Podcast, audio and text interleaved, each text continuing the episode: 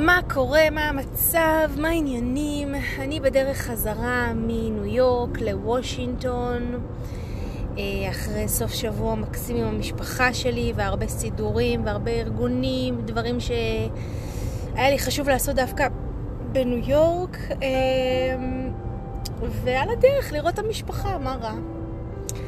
אה, שלשום, או יום לפני כן, העליתי את ה... הפודקאסט הקודם, האחרון, זה שסיפרתי בו על הסיפור החיים האמיתי שלי. אה, קוראים לו My Real Life Story.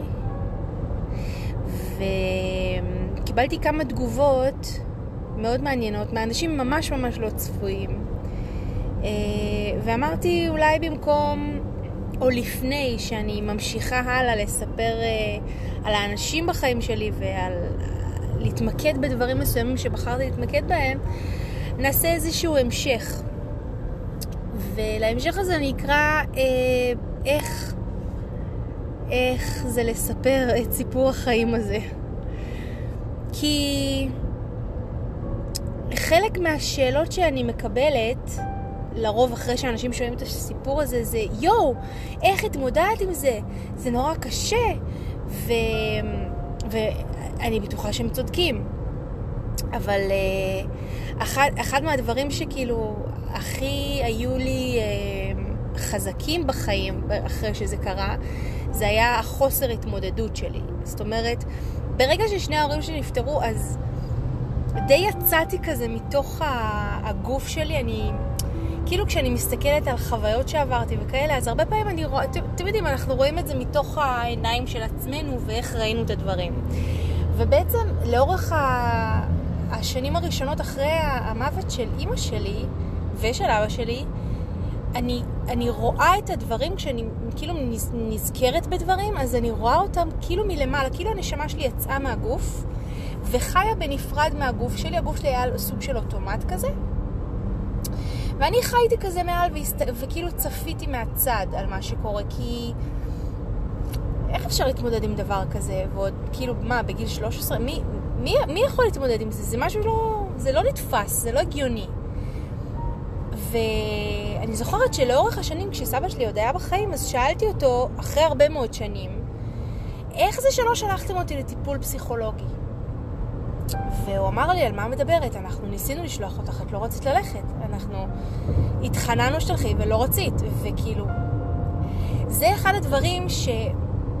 מראים לי שבאמת יצאתי מתוך הגוף שלי וכאילו לא, לא הייתי קיימת שם, כי יש לי ממש חורים, חורים בזיכרון. יש דברים שאני, אנשים מספרים לי על עצמי או על דברים שעשיתי או על תקופות, שאין לי מושג על מה הם מדברים, אני לא הייתי שם, הם מדברים על מישהו אחר, ואני בן אדם שזוכר דברים, כן? כאילו, אני בן אדם ש... שאני זוכרת בדיוק מה נאמר לי, ובדיוק איך דברים היו, ובדיוק איך זה, אבל את התקופה ההיא... אני לא זוכרת כלום. ומדי פעם עולה לי איזה בזיק של משהו שעשינו, אה, או סתם אני מסתכלת באיזה תמונה ו- ונזכרת במשהו, ואז אני, אני צריכה לשאול את החברים שלי או את המשפחה, מה, מה היה שם, מה זה, והם מספרים לי, וזה נשמע לי כאילו מדברים על מישהו אחר, כי אין לי שמץ של מושג מאיפה הם הגיעו לזה. אה, אז אה, אם אתם שואלים את עצמכם איך התמודדתי, אז לא התמודדתי, מסתבר. ואז בעצם הגעתי לצבא ככה, ולא הייתי צריכה להתמודד עם שום דבר. הייתי פרפר חופשי.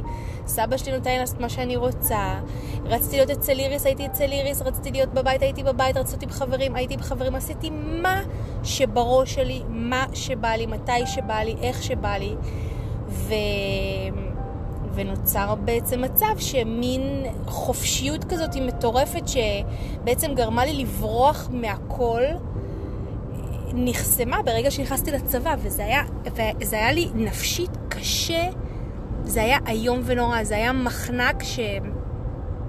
אני לא יכולה לתאר אותו, אבל אני יכולה להגיד שלפעמים יש לי בחיים רגעים כאלה של משהו שלוחץ עליי, וזה מחזיר אותי לאותה, לאותה סיטואציה של רגשות של מחנק כזה, והחרדה שזה מכניס אותי אליה, זה טראומה מטורפת, מטורפת, משהו שלא הצלחתי להתרגל אליו לאורך כל החיים שלי. אמ, גם הסיפור עצמו, הייתי צריכה לאורך החיים לספר, במיוחד בצבא אגב, לספר את הסיפור עצמו של מה קרה להורים, ומה קרה לי, ואיפה היינו, ומי דאג לי, ומי לא דאג לי, וכאילו, עם מי חיית, ואיפה היית, ומה זה.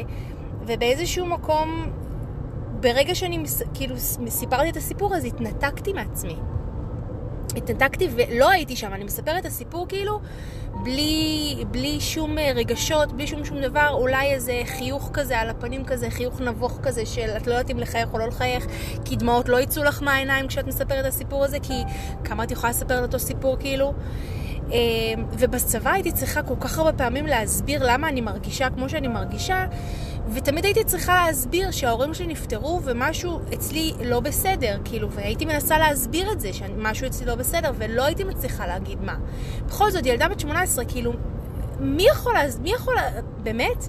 אני, אני, לקח לי כל כך הרבה שנים בכלל להבין מה עבר עליי, שעד היום אני לא יודעת בדיוק מה עבר עליי, ואני כבר ב-35, אז כאילו, אז בגיל 18 את צריכה להסביר בצבא למה את מרגישה חרא, כאילו? הרבה מילה כאילו, אה? שמישהו יספור לי את הכאילו, בסדר? אמ, אז, אז כן, אז זה היה מאוד קשה. ואז אה, בעצם באיזשהו שלב אח, אחרי הצבא, אבל, אבל יותר לקראת הש...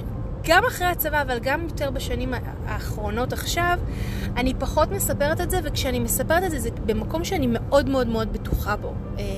היא סיטואציה שאני מאוד מאוד בטוחה בה, וכאילו כשזה קורה מול בן אדם שאחר כך פוגע בי, זה כאילו פוגע בכפליים. זה כאילו, זה כאילו פוגע בי וגם סתירה. לא, לא יודעת איך להסביר את זה, אבל כאילו... זה משהו שאני לא רוצה לספר. אני לא רוצה שיסתכלו עליי ככה. אני מכירה את המבטים האלה, זה כאילו מבטים כאלה... כאלה אותו דבר, זה או שבוכים ממה שקרה לי, או שעיניים אמפתיות כאלה, ואני הופכת לאיזה מין ילדה קטנה כזאת שצריך לדאוג לה. ואני לא, אני, אני לא אגיד שאני, מה זה לא אוהבת את זה? זה לא עניין שלי, זה כל אחד תופס את הסיפור שלי איך שהוא רוצה ואיך שהוא רואה את הדברים ואיך, ש, ואיך שהוא מרגיש. אז, אז ברור, אני צריכה לתת מקום גם לאחרים, אבל לי בתוך הסיפור הזה מאוד קשה למצוא את המקום שלי, כי הסיפור הזה כל כך הזוי בעיניי. וכל כך לא ברור, ויש לו כל כך הרבה רבדים סביבו, ש... שקשה לי לספר אותו. ובעצם בפעם האחרונה שישבתי לספר את הסיפור שלי, זה היה בשביל הפודקאסט. וניסיתי מאוד מאוד מאוד להיות בתוך הרגע. ממש בתוך הרגע, לא לספר את זה מחוץ לגוף שלי, בלי החיוך המוזר הזה, כי אין, אין לפניי אף אחד, אף אחד לא יושב מולי ורואה אותי, אתם רק שומעים את הקול שלי. וניסיתי להיות אני, ולהביא את התחושות שלי, ובאמת אני חושבת, אני לא הקשבתי לפודקאסט של עצמי, כי גם לי קשה לשמוע את עצמי, אמ, וגם, אולי אני אקשיב לו, לא יודעת. אני חושבת שמה שיצא שם זה קצת יותר... בשר חי, כאילו יותר, עם יותר רגשות משאני מספרת, שסיפרתי אי פעם את הסיפור הזה, ויכול להיות שבגלל זה קצת יותר קשה לי להקשיב לזה. אה, אבל אני אנסה.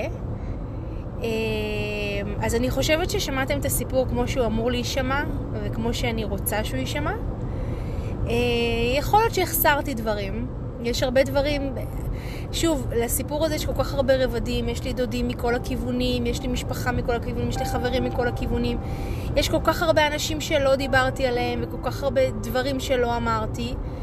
אמ, אבל אה, בסדר, אז מה, זה החיים, מה, לא כל דבר אומרים. אמ,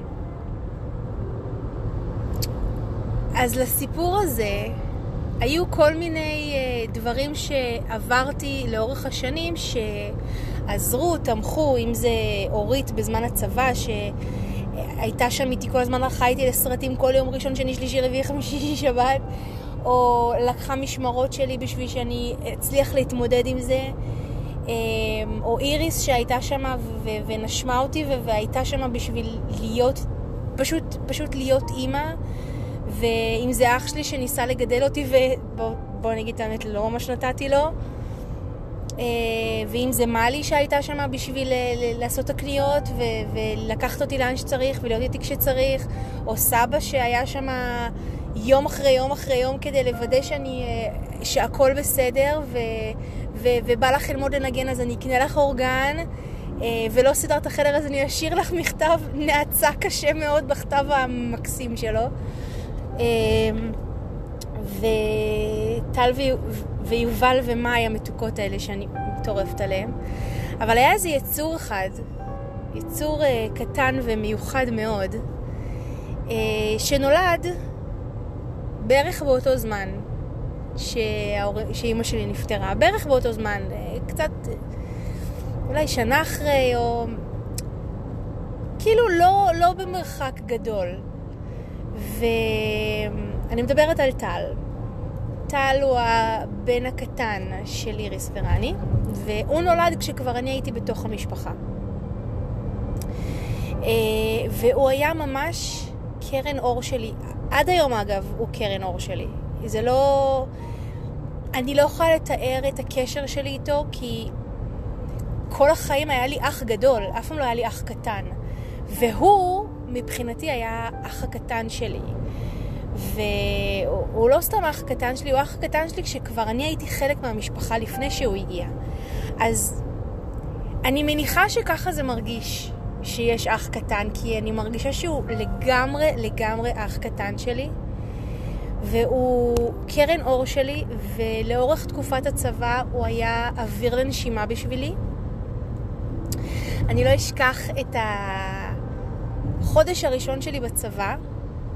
אני זוכרת שרני בא לקחת אותי מהבסיס, מהטירונות, או זה כבר היה קורס, לא זוכרת, הוא בא לקחת אותי. אה, מאוד מאוד מוקדם בבוקר, והוא החזיר אותי הביתה. אה, ונכנסתי לחדר, וכל מה שרציתי, הנחתי את הדברים, שמתי את הנשק והכל, וכל מה שרציתי זה היה לשבת ולבכות ולהיעלם מהעולם הזה. ואז יצור קטן קטן קטן, קם מהמיטה שלו, בחדר שלו, ונכנסתי לחדר, והוא בדיוק התחיל, למד ללכת, והוא נכנס לחדר שלי, לחדר של יובל, שאני ישנתי שם יחד עם יובל.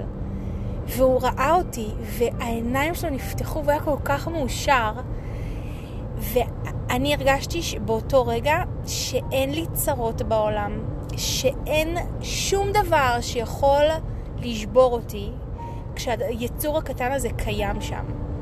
ובאותו רגע אני הבטחתי לעצמי שלא משנה מה, כמה הולך להיות לי קשה בצבא בשנתיים הקרובות, כשאני נכנסת לבית של איריס ורני, לפני שאני נכנסת בדלת, אני נושמת נשימה גדולה, אני מחייכת החיוך הכי מזויף ביקום, ואני נכנסת. אין להיכנס בדיכאון, אין להיכנס בבכי, כן אפשר לדבר על זה עם מיריס והכל, אבל שטל ויובל לא יראו את זה בשום פנים ואופן, במיוחד טל.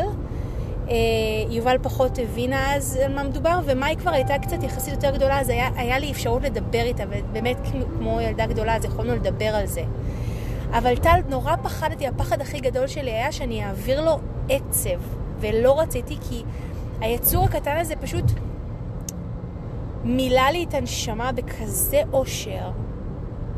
אז אח קטן, אז זה מה, ש... זה מה שזה אח קטן.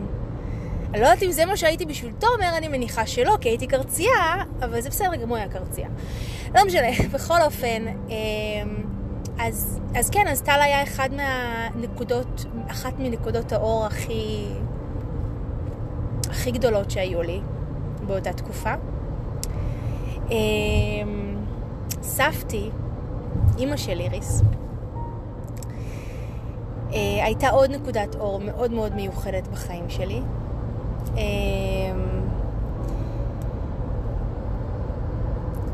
אני לא יודעת אפילו איך להתחיל לדבר עליה. אני יכולה לספר שבפעם הראשונה שהכרתי את סבתי, אני חושבת שאמרתי את זה, אבל uh, הפעם הראשונה ש... שראיתי אותה, אז אמרו לי, uh, סיפרתי לכם, uh, היא אמרה לי, אני, אני סבתי, ובמשך שנים לא ידעתי איך קוראים לה. הייתי בטוחה שקוראים לה סבתי, לא ידעתי שקוראים לה רוחלה, לא משנה, לא ידעתי את הדברים האלה. Uh, והיא הייתה הסבתא שתמיד רציתי. הסבתא שהייתי צריכה. עד היום זה הסבתא שאני צריכה.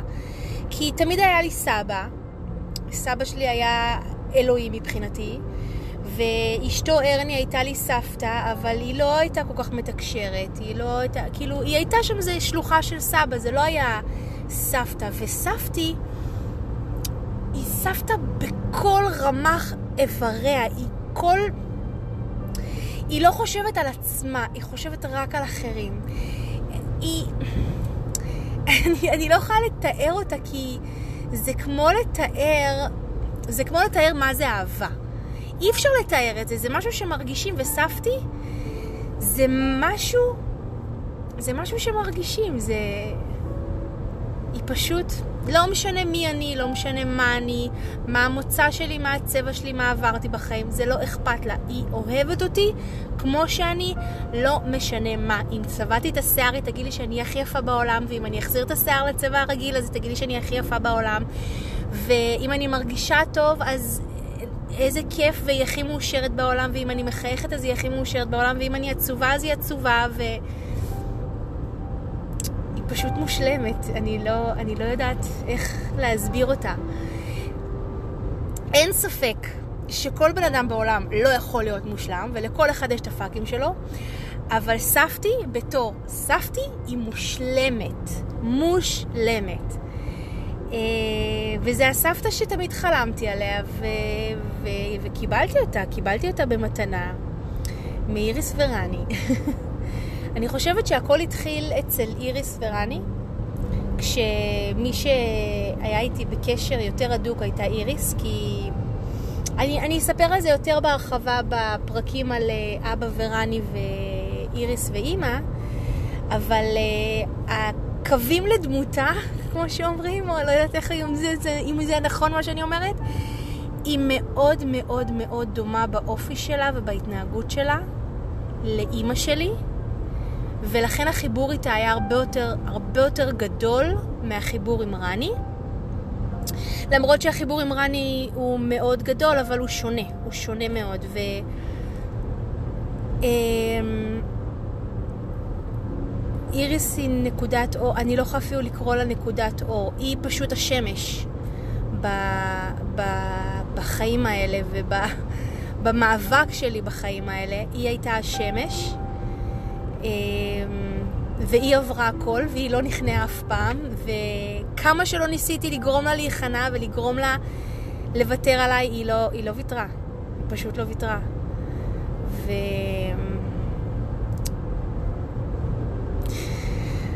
אה, טוב, נראה לי אה, חפרתי מספיק, אבל, אבל כן, אני לא יודעת איך הגעתי לכל, כאילו, אני לא יודעת איך הגעתי לכל זה, אבל המטרה שלי הייתה להגיד שלספר את הסיפור הזה, ואת הסיפור חיים שלי לא קשה לי כמו שזה נראה, ולעבור את החיים, אה, לעבור את השנים הראשונות. מה, למה זה הקולות האלה של האוטו שלך? אולי תסדר את האוטו שלך? סליחה, נסע לידי אוטו שעושה קולות. אמ, ולעבור את זה, בתקופה שעברתי את זה, היה לא כזה קשה כמו שזה נראה, כי פשוט לא, לא עברתי את זה, לא התמודדתי עם זה. אמ, אבל אה, כן.